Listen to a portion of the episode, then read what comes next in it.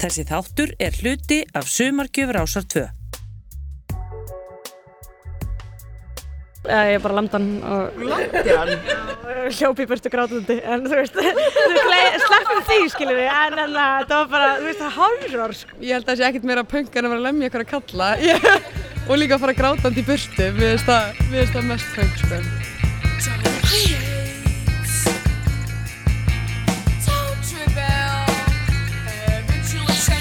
Sagan okkar Sagan sem við þekkjum er skrifið af karlum um karla fyrir karla Þess vegna er nánast ómögulegt fyrir konur að spekla sig í sögunni þar sem þær verðast ekki vera til fyrir hann á 20. stöld.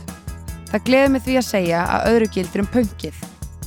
Tónlistarsakfræðingurinn Caroline Kuhn heldur því fram að hægt sé að segja sögu punksins án þess að minnast á einn einasta karlmann. Velkomin í Replarokk í Reykjavík, besta punk þátt á Íslandi. Þessi þáttur heitir Konur og punk.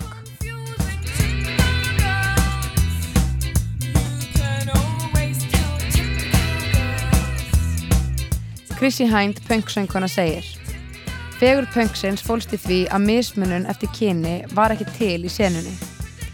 Andkapitalísk afstæða punksins opnaði rými fyrir konur, þann jaðasetta hóp í feðraveldi. Kim Gordon úr Sonic Youth segir Ég held að konur séu náttúrulegir anarkistar vegna þess að allt sem þú gerir, gerir þú innan karlkins ramma. Í Breitlandi árið 1975 voru lög sem bönnuðu kynjaða mismunun eða Sex Discrimination Act fullgild. Þau áttu að gefa konum sömu tækifæri og körlum. Í kjölfarið fóru sumir menn, hashtag not all men, að óttast stöðu sína innan samfélagsins. Nú hlítu konur að fara að hafa af þeim störfin. Margra ára kúun í samfélaginu og á vinnumarkaðnum, sigur feminisma í baráttu fyrir jafnari kjörum og sigur Margaret Thatcher leti það af sér að ungar konur sem voru í fyrsta sinn að finna til máttar síns innan samfélagsins fóru að flikkjast að rýsandi jæðaserunni punki. Listamenn eins og Susi Quattro eru taldar vera stórir áhrifavaldar á byrjun breska punkkultúrsins. Quattro neytaði að vera hlutgerð af fjölmiðlum og tókst óbengt á við karlrembu með köldu, hörðu, rockara yfirbræði og meðan hún bjóti tónlist í meginströymi tónlistasennunar. Hljómsveitir á borð við X-Ray Specs og Slits þróuðu feminískan punkkultúr. Senan endur speiklaði samfélag, menningu og pólitík í Breitlandi á þeim tíma. Í bandaríkjunum lögðu konur á borð við Exxon Cervenka, Joan Jett og Alice Beck sitta mörgum til punksenu Los Angeles á síðara hluta 8. áratugarins og byrju 9.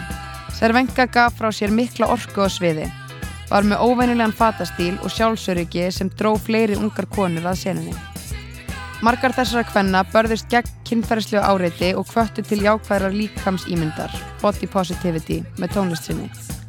Leðurjakkar, stuttpils, netasokkaböksur og tjókerhálsmenn voru partur af punkstílnum og kultúrnum. Feminíska hugmyndafræði punksins á 8. og 9. áratögnum hjælt áfram inn í 10. áratugin með Riot Girl hreyfingunni í Washington D.C. Riot Girl bentu á meira en sexismann innan punkkultúrsins. Hreyfingin yfirfærði feminismann á fleiri svið með því að fjalla um kynferðsofbeldi, kerfisbundna karlrempu og að kynlíf fenna þætti tabú. Riot Girl hreyfingin markar upphaf þriðjubilgi feminisma. Riot Girl byggur til heimagjart tímarit eða sín og heldur fundi til að fræða yngri stelpur innan punksenunar um feminisma. Fólk innan LGBTQ plus samfélagsins byrjaði að verða fyrir áhrifum Riot Girls og að nýta sér punkið sem útrás fyrir sína kúun og sína baráttu. Á 2001. öldinni hafa hópar af Pussy Riot og Panty Raider nýtt sér punkið og hugmyndafræði sem svipar til Riot Girl við feminíska baráttu. Endalaus uppreysnin gegn kynjamýrsetti í yfir þrjá áratvíi hefur borið árangur þótt við séum ekki komin í höfn. Í dag starfa miljónir kvenna um allan heim á öllum sviðum tónlistarsenunar og fyrir það má þakka þessum brautriðendum. Hér eru konur sem allir ættu að kynna sér nánar. Patti Smith, Chrissy Hind, Susie Sue, Nina Hagen, Exen Cervanka, Joan Jett, Lydia Lunch, Q4U, Polly Styron, Ari Up, Gay Advert, Palmolive, Poison Ivy, Grílutnar, Debbie Harry, Viv Albertine, Tappi Tíkaras, Alice Bagg, Belinda Carlisle, Unun.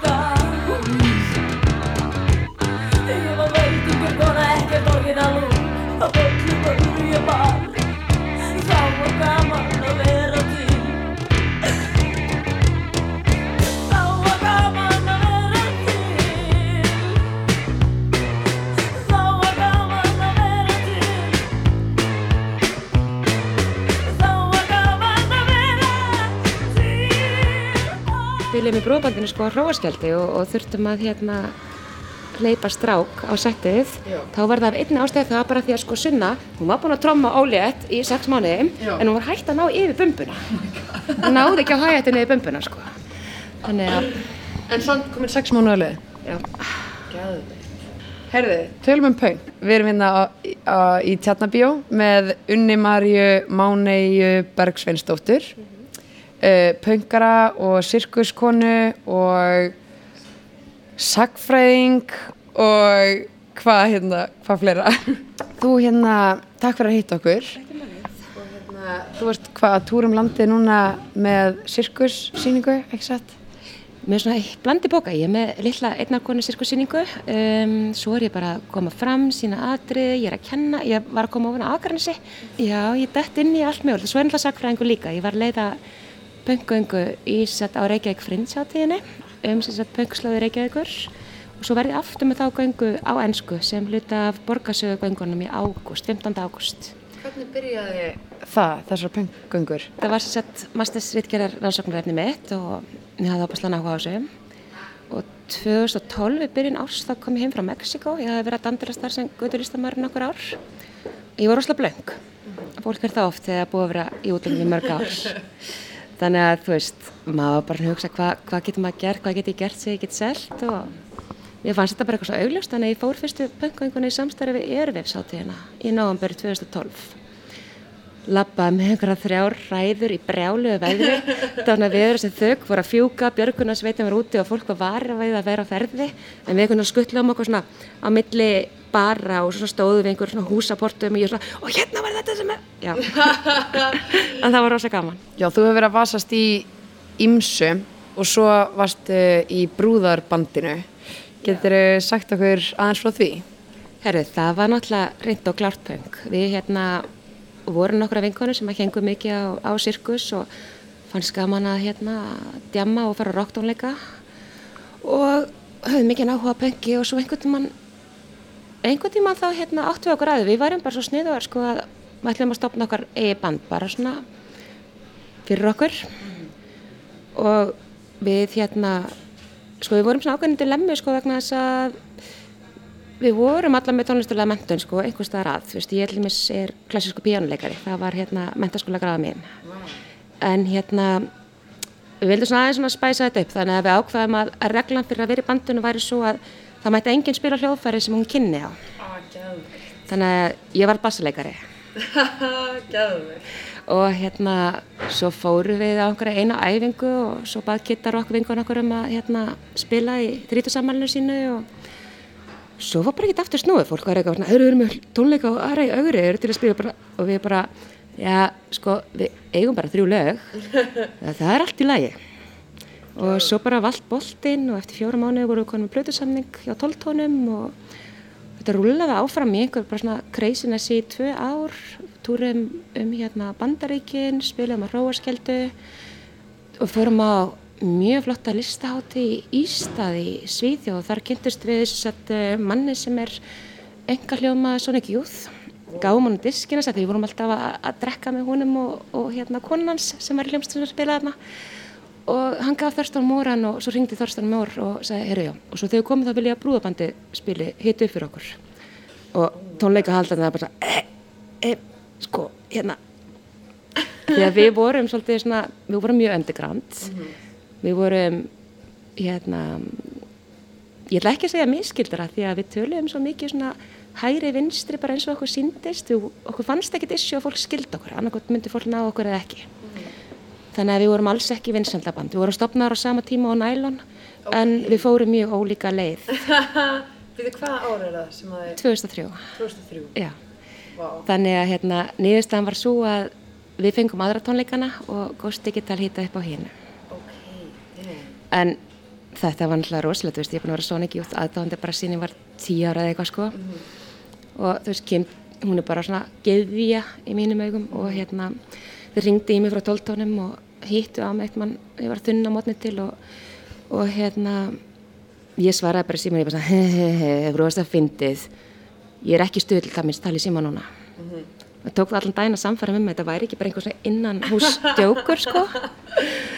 Wow. þetta var Rosla, og það var rosalega gaman sko, við kallum eitthvað brúðabandi að því við spilum alltaf í hérna brúðakjólum vegna þess að okkar motto, við erum það sjö konur, rosalega ólíkar en okkar motto var það að eins og við sögðum í manifestuðun okkar það vantar bara fleiri konur upp á svið að rífa kæft og við spilum alltaf í brúðakjólum af því okkur fannst það eitthvað svo skemmtilegt það er þessi klísja um að þessi fallegasti dagurinn á konan í þessum hreina hvita kjól og all þessi, þú veist hérna jómfrúar, ímynd og allt það.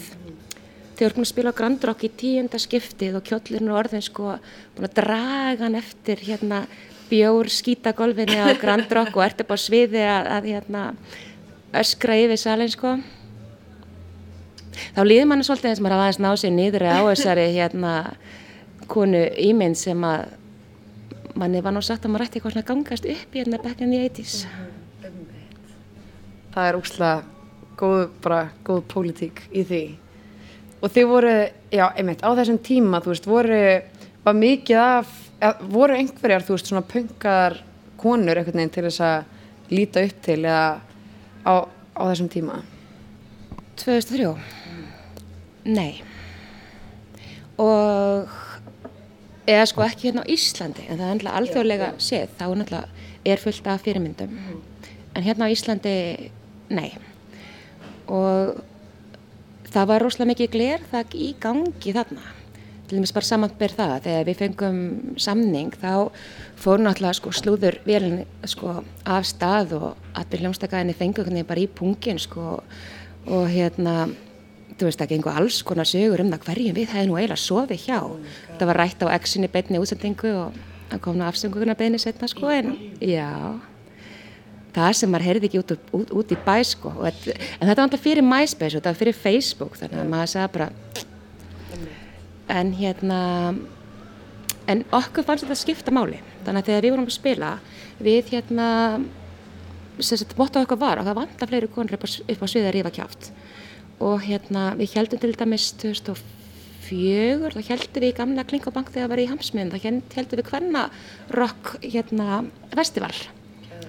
Og það voru og þá hafði okkur tekið sko að koma að ná í alveg það voru 5-6 sko grúpur sem spiluðu Donna Mess sem er grúpa sem sakna geggjað, Viðurstegð og fleiri. Og þetta var æðislega hátið svo fengur skátar að spila með af því þeir voru svona vinarljómsitt okkar. Og já, okkur fannst það skipta rosalega miklu máli. Og við hérna vorum með heimasíða eins og fólk gerði bekkum þetta mm -hmm. og þar ráku við blogg og harðan áraði fyrir því að stelpur ætti bara að láta sig hafa þau, ef ykkur langar að veist, sjá okkur. Mm -hmm. við konum ekki að spila fyrir jól og nú erum við að gera þetta en svo þegar maður fer að skoða roksuna hérna og fer að spá af hverju eru ekki fleiri konur þá auðvitað hérna gemst maður að því að frumbengið það snýrist ekki sérstaklega um það. Nei. Þetta kemur meira inn í pöngið setna í kringum 86-87 þegar annarkapöngi verður eiginlega pínleita ofan á sem er mjög cool.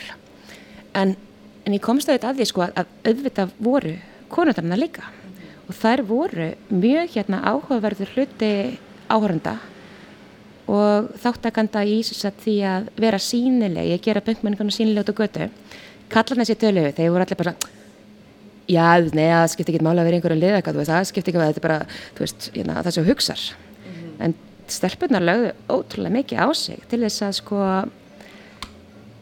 ég ætla ekki að segja til að fylgja punktískunni vegna þess að ég ætla að koma því eftir en það er sem sagt hérna það fyrst að vanlega ekki þetta að fara hérna til búð og kaupa allir nýður þrönga svarta gallaböksur ég talaði við eina sem að sagast bara að vakna klukkutíma fyrir á mótnana saumað gallaböksnar sem voru sunduklifta saman á mótnana og svo rættum við upp á kvöldin. Af hverju rættum það upp? En það komast aftur, ég er daginn eftir. Oh my god, þú saumað sér í það? Já, saumað sér í það wow. og alls konar svona. En sagt uh, en það var svolítið gaman og þetta stemmi við það sem ég lesið í svona erlendur einslisögum pöngið var svo mikið tækifæri fyrir konur til þess að svona kasta þessari prinsessu ímynd mm. þú veist, pöngið er raun og verið frelsi til að vera ljótur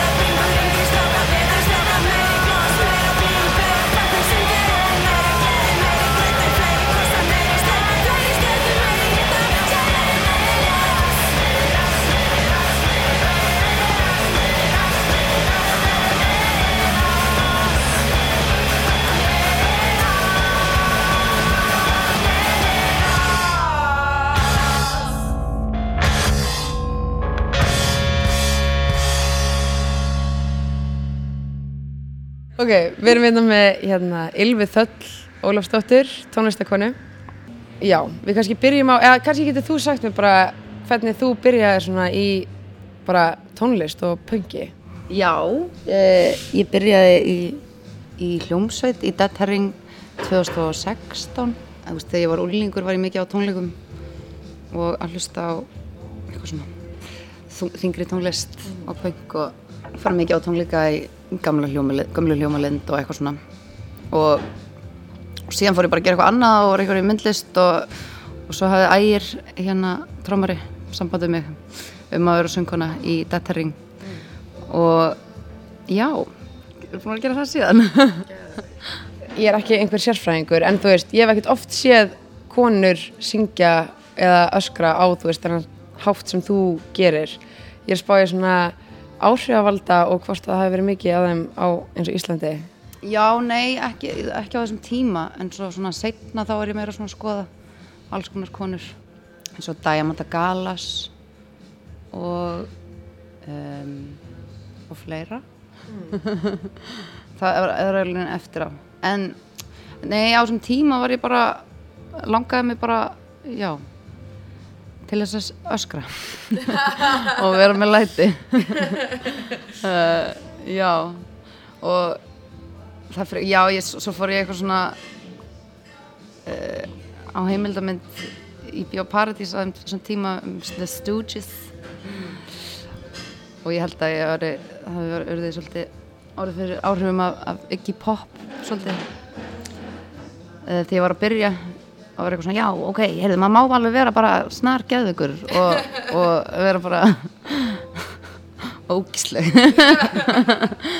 Það var eitthvað, já, þannig að já, það byrjaði svolítið þannig að ég var mjög svona uh, ofbeldisfull í, í sviðsframkomi eða þannig bara svona einmitt, ég var alltaf bara í hlaupaskóm að hlaupa út um allt.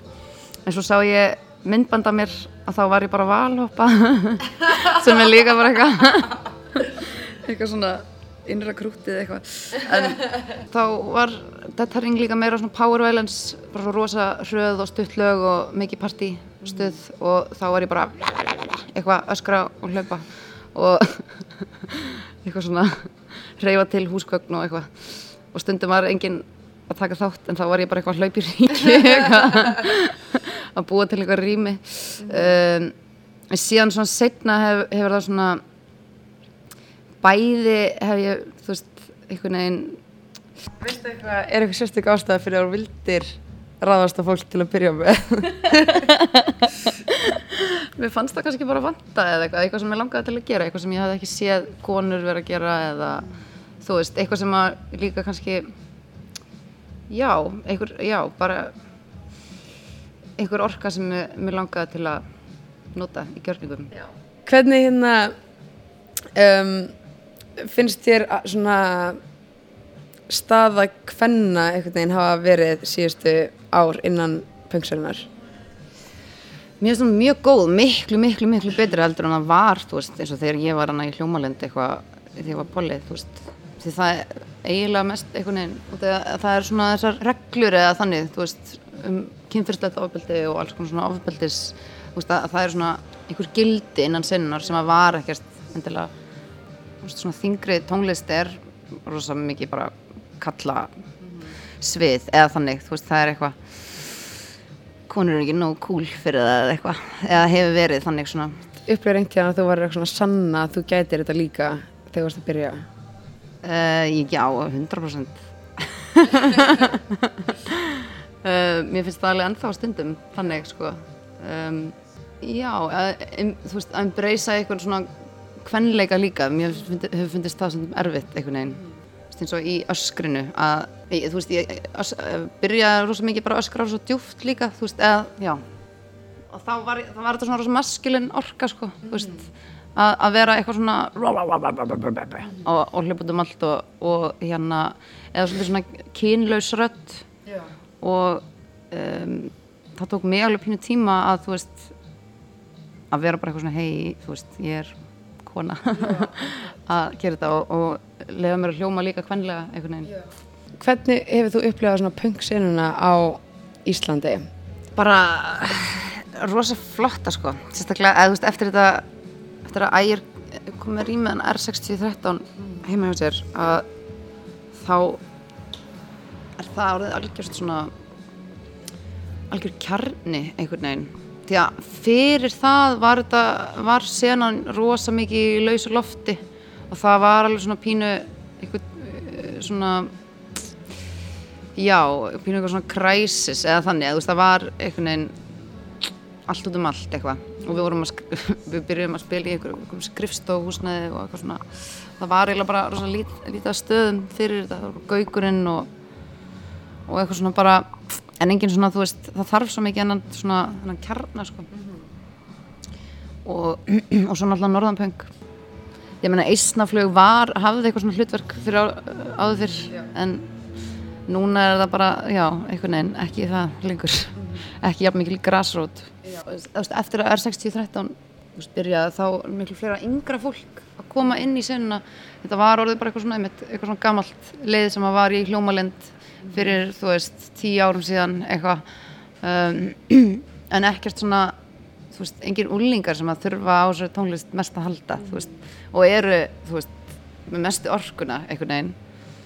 Mestu reyðina já, mestu reyðina og eru bara til í að vera bara eitthvað að hafa þessu eins og bjánar eitthvað eða þannig, þú veist, þannig að já það byrja að koma miklu fleiri svona krakkar sem að mér finnst vera eiginlega mikilvægast að einhvern veginn. Þetta er á, eða þú veist, já eitthvað svona youth eitthvað ó nei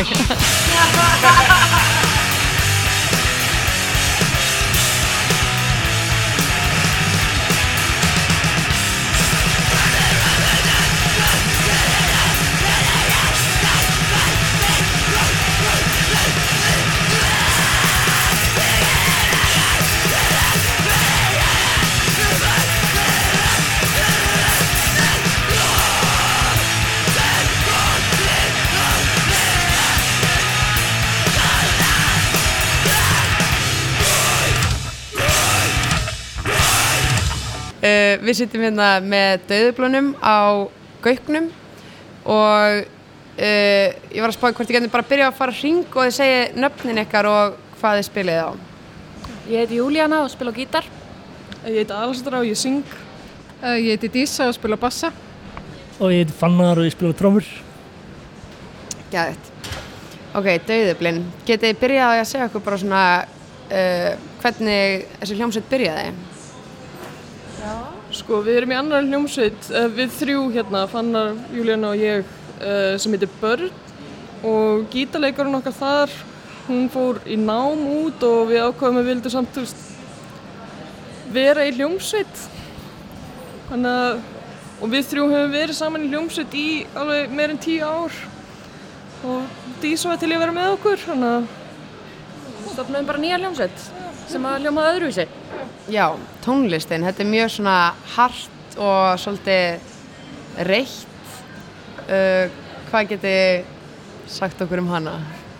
Ég held við vorum sko að túra uh, með börn í bandreikunum og ég held sko að við vorum að sjá útrúlega mikið af svona hardcore böndum og það var svo geðið gaman að sjá alla að vera að dansa einhvern veginn og það var bara svona geðið gott vibe og ég veit ekki, ég held að okkur hafa öllum langað að vera í einhvern bandi þar sem getur spilað á tónlingum og það væri geðið mikið stuð. Þegar börnum spila, þú veist, það er alveg stundum stuð en það er samt svona pínu bummer punk.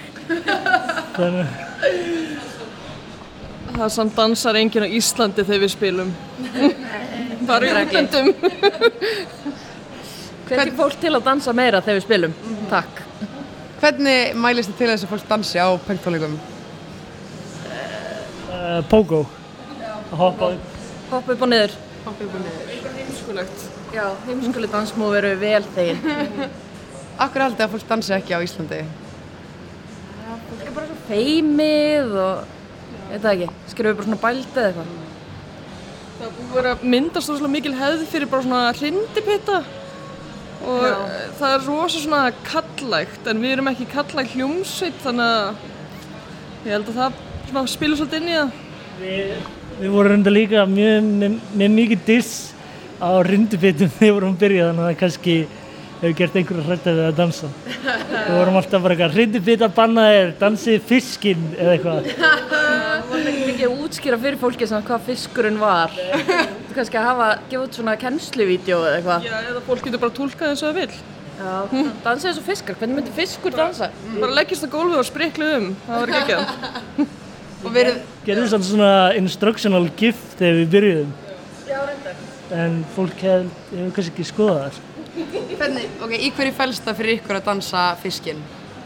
Sko, þú hoppar eins hátt og þú getur upp í loftið með fæturna saman, hendurnar alveg niður til síðum og síðan hérna á meðan þú ert í loftinu og spriklar svona dítir mjöðmunum til hliðina svolítið bara eins og ef þú væri fiskur og fyrir landinu maður í loftinu.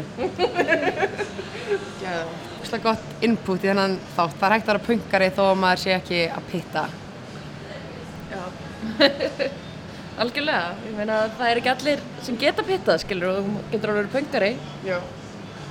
En þið töluðu um að vera ekki uh, karlæg hljómsveit. Eða sagður að þið væri kvenl, kvenlæg? Eða bara ekki karlæg? Kallag, ekki kallag. Í hverju fælst það fyrir ykkur? Ó, það er spurning. Við erum ekki kjærpast um að vera harðasta hljómsutin. Já. Við líka höfum verið svolítið að vinna með, þú veist, eins og í artworki að vinna með, þú veist, að taka það sem hefur verið svona traditional kvennlegt, svona pastellitir og bleikur og svoleiðis og svona juxtaposition og það með kannski svona brútal artworki, hauskúpur og nývar og svona. Og það svolítið skemmtilegt, sko. Það er líka, þú veist, það er svo performancein hjá Alessandri, þú veist, það er svo oft, þú veist, það er bönd, harkubönd og það er rosa mikið verið svona eitthvað þennja út brjóstkassan og eitthvað svona taka stóra sveiflur með hérna höndunum eins og þú sést að gera þér upp einhverja svaka upphandelstöða eða eitthvað, en þú veist, Alessandra lætur bara eins og eitthvað svona stökkbreytt skrimsli eða eitthvað Gremlin fylgur í henni. Það erum svona svolítið inspæruð af hérna mutant punki frá mið vesturíkjunum í bandaríkjunum. Var þetta eitthvað meðviti ákvörðin eða er það bara, bara partur af því hver þið eruð? Já, held að sé meira bara hver við erum, sko. Við höfum aldrei eitthvað svona fundað og rætt bara, jæja, Já. Hvernig erum við? Það er bara svona gerist, svona organist. Sándi hafa bara svona þróast með tímanum sko, þú veist, við erum bara að gera eitthvað sem okkur finnst þér flott Já, og svona við settum svona ákveðin ramma og svo þróaðast það. meira sér svo rammin, þú veist, hann breytist við byrjum að vera bara eitthvað, ok við spilum bara eitthvað svona catchy mid-tempo og svona oidót og svo, þú veist, voru bestu lögin okkar voru svona svona túpa, túpa, túpa, túpa og þá voru bara eitthvað, að þetta eru lögin okkar. Þú gerir þetta. Og svo prófið bara eitthvað, ó, bætum við undir stórsimbendulum og það er gekkja, feedback hljómar úrsla vel. Þú veist þannig að það var aldrei svona ein með þetta ákveðin en bara svona hægt og rólega og bara svona byggðum við upp samtöða hér Um, textarnir, hver semur textana? Við öll. Gunnar og Júlíana kannski mest en Kláður með orð, sko. En það er svo ofta sem að kemur með einhverja hugmyndir og svona bara unnið út frá því. Já, það er þægilegt að hafa eitthvað svona, við ætlum að semja lag um hvað valdstjórnin er umuleg og þá getum við saman texta um það. Gæðveikt. Getur þið gefa okkur nokkuð dæmi um hvað textarnir eru? Valdstjórnin. Svo við erum að láta þetta eldirallir sem er um þetta það er einhverja en þetta var svona inspirað af því ég var eitthvað tíðan að lappa neyri í bæ og einhvern svona gaurar voru að fokki mér og eitthvað svona og ég kem heim og ég svona upplifaði mér sem gett mikið einhvern veginn svona fórnalamb og það var svo umölu tilfinning að upplifa það að vera fórnalamb þú veist, einhvern veginn að fokk er fólk, fokk er, fólk er að fokki mér að því ég er fallaður eða eitthvað. Og svo þú veist, á saman tíma hafði Alessandra verið að koma heim á djaminu og ringt í mig út af því að það var einhver gæi að elda hana. Þú veist, þannig að hún vildi vera í símanum. Og ég var bara að hugsa einhvern veginn þessu ömulega tilfinning þetta og, og við snýrum svo haus og það lag er einmitt um einhverjar að elda þig en það sem hann veit ekki er að við erum að leggja henni gildru og allir vinir mínir þeir býða handa við hotni og við lennjum hann þegar hann kemur.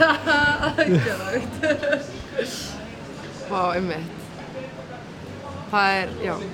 hérna, viðtal tekið við okkur þar sem vorum að tala um að við vildum, vildum senda Hannes Holmstein í gúlagið og hérna og hann postaði þessari grein eða þessu viðtali og kommentin undir það á Facebookinu hans voru mjög skemmtilega skrautleg og þannig var hérna ljótir kommunistarlægið okkar til það, sem er bara, það er bara svona nánast direkt kvót úr þú veist, kommentunum undir þetta Um okkur, sem sagt. já, Viljið enda senda Hannes Holmstein í gúlagið? já, auðvitað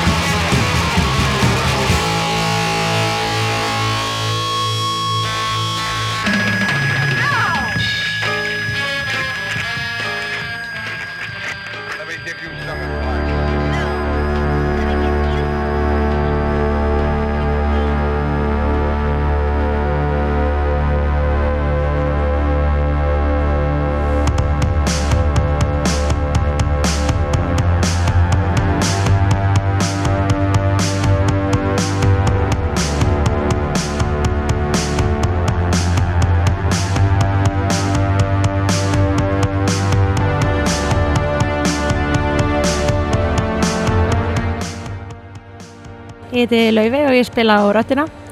Ég heiti Maggi og ég spila á bassa. Ég heiti Solveig og spila á synþa og raft hljóðfæri.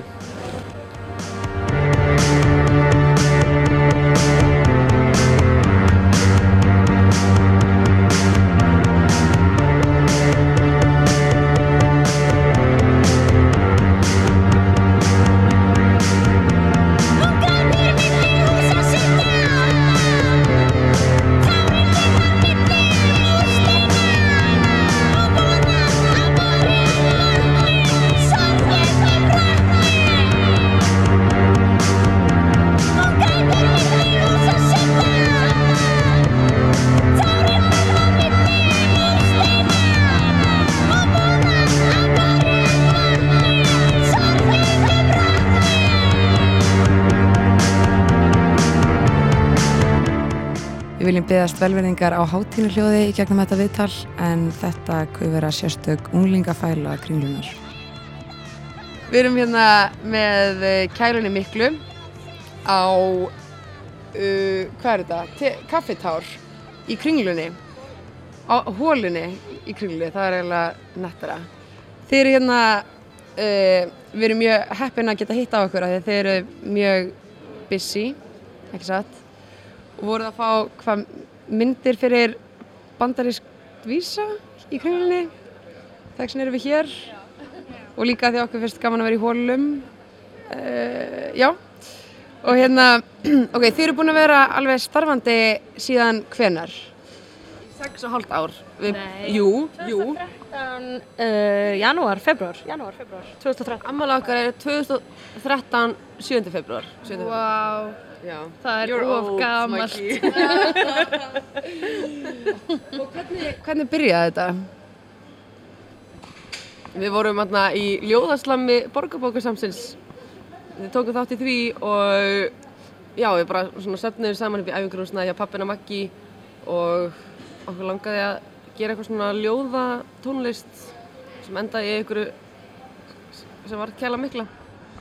Já, Já, uh, við unnum ljóðaslami og fólk var eitthvað, hei, eru þið í hljómsveit? Og við vorum eitthvað, nei, eiginlega ekki. Þau voru eitthvað, ó, við viljum heyra fleiri lög. Og við vorum eitthvað, hm, ok, við gerum fleiri lög. Voruð þið með mikinn tónlistar bakgrunn fyrir þetta?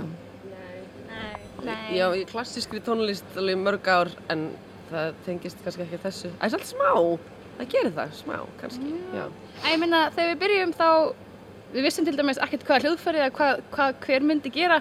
Ég hefði bara, þú veist, æft mér smá bassa upp í set, þú veist, ég var bara yngri og Solveig, já, spilaði þverflötu og já, hittist bara upp í æfingrúsna þessi pappi minn á og hún bara eitthvað, fengum að leika með öll hljóðfærin og ég bara að spila bassa, Solveig byrjaði að tromma og Laufi byrjaði bara eitthvað að syngja og öskra eitthvað og hún hafði aldrei sungið áður og hún hafði aldrei tromma áður, ég hafði bara eitthvað smá snert bassa nokkur sinnum og já, svo bara byggum við bara til lag og svo gegum við fleiri lög og svo allir henni gerðist þetta bara sjálfur sér mjög mikið já. Við höfum alltaf gert tónlist þannig sko, við höfum alltaf bara sest niður saman og séð hvað gerist og við höfum alltaf að breyta svo svo mikið, finnst mér og finnst okkur. Þú veist, við byrjum að vera í einhverju svona ljóðapöngi og svo hætti ég á trommum og byrjaði að nota trommuheila og synda og þá erum við meira í svona dark wave senunni og svo núna erum við alltaf að þróa okkur meira og meira áfram með það sem við kunnum.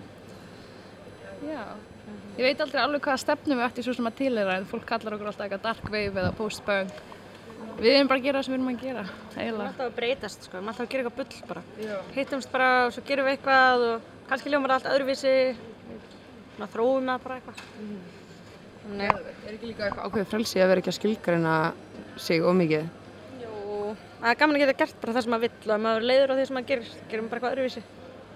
Við gerum alltaf bara veist, það sem gerist, prófum bara að hittumst og ferðum svo bara eftir hvar við erum á, á þeim stað og stund. Uh, að því að núna er þið búin að vera í þessari tónlistasennu í dálítinn tíma. Að við fundið fyrir einhverjum breytingum bara svona innan senunar og bara svona samfélagslega síðan þið byrjuðið Sko ég held að það er svolítið erfitt að segja en mér fannst fyrst eins og að fengum við mjög svona litla virðingu raun og veru. Og þess að við þurfum að leggja mjög hart á okkur til að sanna okkur. Kannski að því að við erum konur eða eitthvað, ég veit ekki alveg hvað það er. En finnst það búið að minka undarfæri ég veit ekki hvort það sé út af því að samfélagi er aðeins að þróast. Fólk er að vera aðeins meira mega sens fattari, að vera ekki eitthvað geð sexist og eitthvað svona dæmi. Eða þá kannski að því að við erum bara búin að vinna það hart að við erum komin aðeins lengra og aðeins stærra upp að við fáum meiri virðingu ég veit ekki hvort þetta sé nákvæmlega svarið við spurningunni þetta var fyrst sem að kom upp í hausin minn. Við erfiðar að byrja sko, að byrja sem stelpur allavega. Eins og núna erum við komin, þú veist nú erum við komin með það stórt, þú veist, fanbase á bak við okkur að þú veist, fólk getur kannski ekki verið að messi okkur svona lengur en það var alveg, þegar við vorum að byrja þá var alltaf eitthvað verið að gefa skít í allt sem við gerðum út af því að við vorum bara svona litla stelpur en að gæslappa eða svona gaurar að mansplaina hvernig átt að spila hljóðfærið þitt. Og maður er bara eitthvað gaur. Það gerist alveg ennþá en það er Já. samt miklu minna en það, það er líka fyndið, þú veist, við lendum minna í því á ákveðnum stöðum í heiminum eins og núna í Rúslandi um daginn þá vorum við bara þú veist, við vorum bara að fara að hætta við að spila sko, þetta var, við vorum ógæðislega leiðileg við okkur og hljóðmaðurinn vildi ekki horfa í augun á okkur, hann vildi ekki taka hendina á okkur. Hann, þegar ég reyndi að beða hann um ykkur aðstof með að tengja á eitthvað lag upp á sviði þá bara svona ránkóldan augunum og yfti öxlum og labbaði burtu. Það var ekki fyrir hann kom karlmaður úr heinu bandinu sem var vinu minn og var eitthvað hei þú verður að redda sig og þá var hann eitthvað ah já sorry sorry og reddaði því. En það þurfti kall til að segja hann vildi ekki hlusta mig. Og ég var alveg bara nefndi var ekki að fara ekki til í það sko. Ég var ekki til í neitt, þannig að ég eitthvað tíma setnum kvöldu enda ég að lemja tveggja metra háan rússa út af því að hann var að vera svo, hann var eitthvað að spjalla um og svo kom hann bara með einhverja ógíslega sexist, þú veist, einhverja líkamsvirðingar komment sem voru bara ógíslega og ég var bara, ég, ég, bara lamdi hann og hljópi í burtu grátandi, en þú veist, sleppum því, skiljum við, en en það var bara, þú veist, það horror, sko, ég hataði, hataði þarna, þetta attitút sem var í gangi þarna og það að við þyrftum Karlmann til þess að segja það sem að við vildum segja því að hann tók ekki marka á því sem við sögðum og þetta er bara alveg farlegt sko. Og var- það var mikið, þú veist, já, var það líka mikið þannig á Íslandi þegar þið voruð að, að byrja? Já, eins og þið eru búin að segja, kannski. Og algjörlega sko. En það er líka alveg sex ár síðan og þú veist, það er búið að breyta svo mar margt búið að breytast á stuttum tíma sko. Algjörlega. En það er, það er, já. Mér finnst það lúka mikið opnara núna og ég er ekki að segja að það hafi verið ekki ræðilegt þegar við byrjum, við fengum líka ógeðslega mikið stuðning, við geggjum mikið stuðning, en svo var líka maður mann bara eftir alltaf svo mikið eftir þessu skiptum sem maður fann svo fáránleg. Þú veist. Eitthvað svona bila mikið af einhverju svona jáðar punk, stelpu, grúpum á þessum tíma. Bara engin, held ég. Eða þú veist, það var eiginlega ekkert, það var engin svona einhvern veginn all girl, þú veist, hljómsveit sem var í gangi þá og við vorum líka bara 19 ára eða eitthvað þannig að þetta var alveg kannski auðvelt fyrir fólk að vera eitthvað að ekki taka marka á okkur eða eitthvað svona en, en þetta er alveg búin að breyta. Geðveikt krúftlegar. Þegar ég hugsa tilbaka, ég held að við verðum bara mega krúftlegar sko. Ég held að það er, já. Þannig ég skil ekki af hverju fólk og að gaurar ætti að vera eitthvað sexist við þetta af því við vorum bara svo ágæslega ungar og við vorum bara að prófa, við vorum bara að gera leiðum bara að gera sem þið vilja gera, þú veist. Ef við værum, ef það hefðum ekki verið nógu sterkar það, hefur örugglega bara, þú veist, ekki meika það, en já, við gerðum bara sem við vildum gera. Já, ég man einu svona eftir tónleika þegar okkur var hent út af staðnum beint eftir að við kláruðum að spila. Já, þið voru ungar? Já. Nei. Hvaða staður? Uh, bara 11, ég held að Maggi hafi farið í fæt við mannin. Uh, Dýraverðurinn hjælt, hann lifti mér upp og að bara halda á mér út. Hann setti mér bara yfir öxlina eins og svona, og svona kartöflapoka og ég öskraði á hann, ég var bara eitthvað, sætti mig niður, eitthvað, hvað er þetta að gera? Hann bara, þú ætti að fara út, ég var eitthvað, ég var að spila. Hann bara, svo, hún byrjaði að lappa með mig um stegan, þá byrjaði ég að kýla hann á fullu og endaði með því að ég kýldi hann í hausinn, þá henda mér í gólfið. Ég stóði upp og hrækt á hann og þá ætlaði hann að berja mig, hljópa eftir mér út, en ég náði að hlaupa út í húsasund, hann náði mér ekki. Oh my god. eru, eru fleiri slagsmál í... Þeir byrja alltaf, við byrjum aldrei. Við byrjum aldrei. Ég held að það sé ekkert meira punk en að vera að lemja ykkur að kalla og líka að fara grátandi í burtu.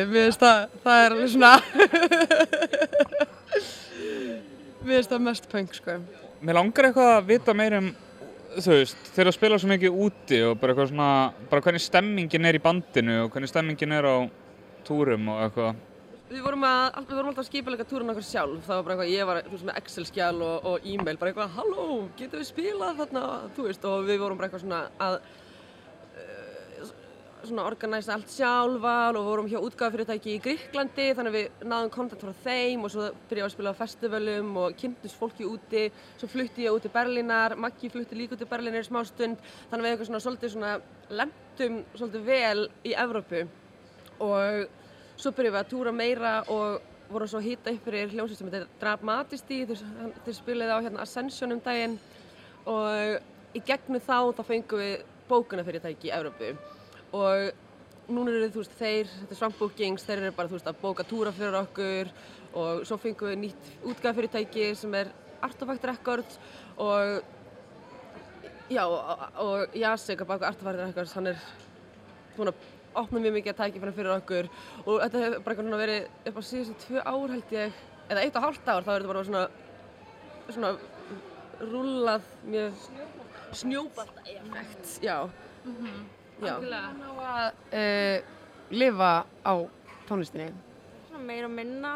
Þetta, eða við, ná, við náum allavega að lifa, sko. Ég er ekki að segja að við séum hérna að baða okkur í seðlum, en þetta, þú veist, ég get, ég get verið til, ég get keift mér ljóta skó á 2000 kall og kaffibólla, en þú veist, já, þetta er alveg, svo er líka alltaf bara góður stemmari, af því að við erum alveg bestu vinkonur og vorum það líka alveg, þú veist, vorum alveg vinkonur, eða mjög góður, áður við byrjuðum í bandinu, þannig, ekki að þetta næst. Já, ég held ég myndi ekki nenn að vera að túra 24-7 ef að ég væri með einhverju leiðilegu fólki. Það er gaman ára við gæðið fyndnum stelpum og skemmtilegum og svona empowering, flottum konum í kringu sig alltaf, við erum ekki konum, við erum bara stelpur, en þú veist, en þú veist, það er bara geðveit, við erum með svo góðum hóp og svo er líka kynnar alltaf með okkur sem gerir grafíska hönnunina og er með svona live visuala á, á tónleikum hjá okkur þegar það er í bóði og það er bara geðveit að vera í góðum hóp og ferðast, það er tækifæri.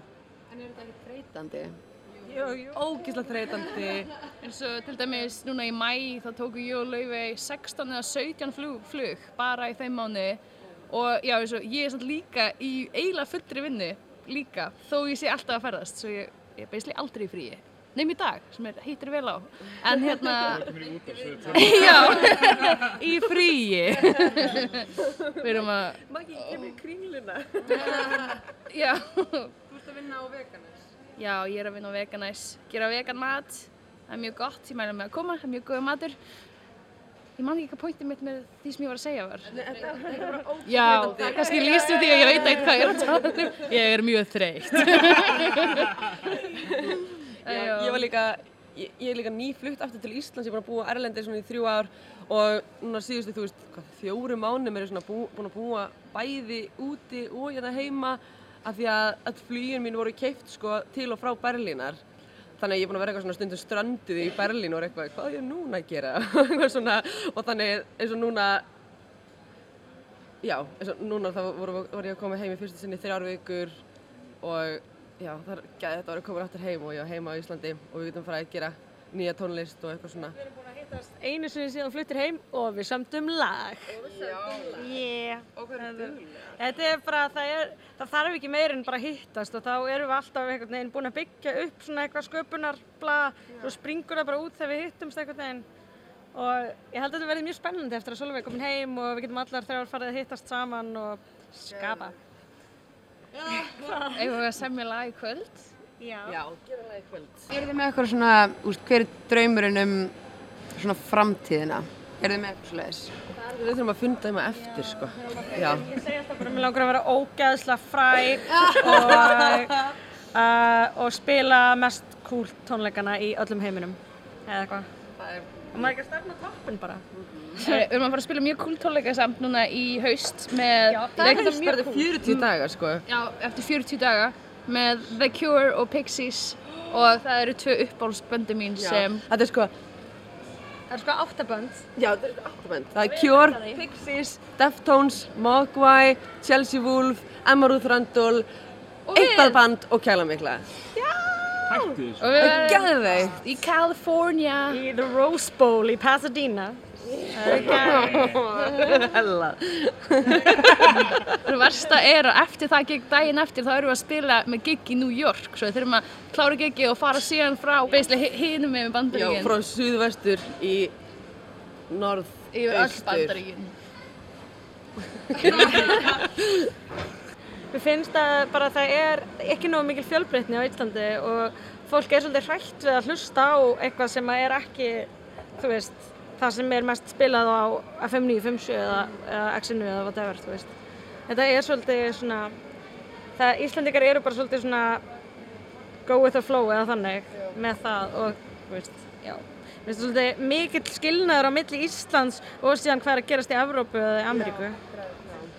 Mér finnst að þetta er áhugavert sko og það er líka svo fyndið, það er eitthvað, þú veist, þegar við erum úti þá er fólk það er svo miklu meira til í að viðurkenna að það finnst eitthvað fara flott og það er svo mikið hérna þar sem að fólk finnst ekki nógu cool að finnast eitthvað flott og það er eitthvað já, whatever, ég veit alveg, þú veist, ég þekki hann, já, ég veit hver þetta er og þú veist, það er bara eitthvað svona, við, hvað kallar maður þetta, svona bara hei, geðið flott hjá þér. Það, það segir aldrei neitt þannig við mann. hrósa. Já, það, það er aldrei neitt, já, það er aldrei neitt hrós, það er aldrei neitt svona viðurkenning fyrir neitt nema að sé, þú veist, með íslensku tónlistaverðinu eða eitthvað svoleiðis. En þú veist, það er ekkert nöðsynlegt, það er bara, það væri, cool, held ég, já. Nú eru fólk bara ekki að mynda svona eigin skoðun. Tónlistafælun það er eitthvað svona, ok, þetta er viðukent eitthvað þing, þannig ég get trósa fyrir það. Ógæslega fyndandi, við hefum sko aldrei verið eitthvað í íslensku tónlistarsenninu nema þú veist, þegar við vorum, þú veist, að spila einu sinni, hverja einustu viku á Dillon eða þú veist, í einhverjum kjallara og alltaf eitthvað klikkað og, og já, og svo fórum við að spila mjög mikið úti en þá fengum við rosalega litla viðurkenningu heima en svo núna um leið og við vorum sko tilnændar til íslensku tónlistafælunina þá við fengið miklu fleiri tilbúð frá Íslandi, þú veist, að spila á hátíðum, vorum að spila á lunga og eitthvað, eitthvað svoleiðis þannig að ég Líka held að bara meira tala um okkur, þú veist, meira vera að spila okkur í útarpinu eða fengja Já. okkur í útarpi, þú veist, að hafa einhvern veginn áhuga á að fá neitt frá okkur einhvern veginn fyrir eftir þetta. En bara þessi tilnefning var alveg nóg til þess að fá einhvern veginn einhverja, þú veist, innan gæðsalappa viðurkenningu frá íslensku samfélagi sem er ógslag steikt. Eða þú veist, að, mér finnst þetta allt eitthvað ógslag steikt. En, en já, það væri bara gaman ef það væri meiri fjölbreytilengi og minni svona að fólk væri ekki að prætt við að mynda sínar eigin skoðanir og svona. Þegar hann er til svæðis þá fíla ég mig alveg sjúklega vel ég finn kikkið og allt verður æðislega hefi ég reyna að fríka út en ég meika það ekki því hann er svo meiri háttar þegar ég fer að bömmir þá verður Takk fyrir að hlusta á Ræflarakki Reykjavík, besta punk þátt á Íslandi. Þetta var síðasti þátturinn okkar í byli og hann var um konur og punk. Vonandi höfðu gaman af. Ef þið eftir að hlusta á einhverjum af fyrri þáttunum okkar þá eru þeir allra aðgengilegir inn á roof.is og væntanlegir inn á helstu hlaðarpsstreymi sveitur. Ég heiti Brynildur Karlsdóttir Og ég heiti Stefán Ingur Eðursson. og við þökkum ykkur kærlega fyrir samfélgina.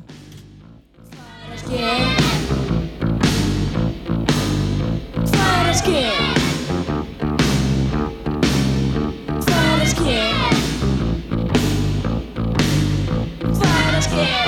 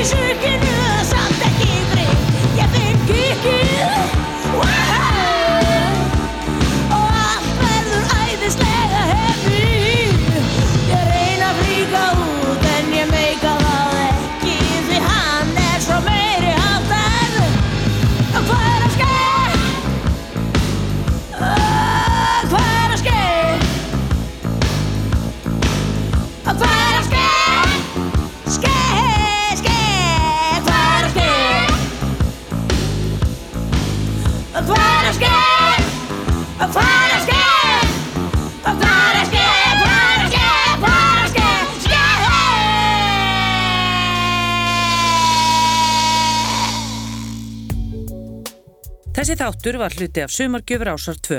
Þú getur nálgast fleiri þætti úr safnir ásar 2 í spilaranum á rúf.is, í rúf appinu fyrir snjalltæki og öllum helstu hlaðvarpsveitum.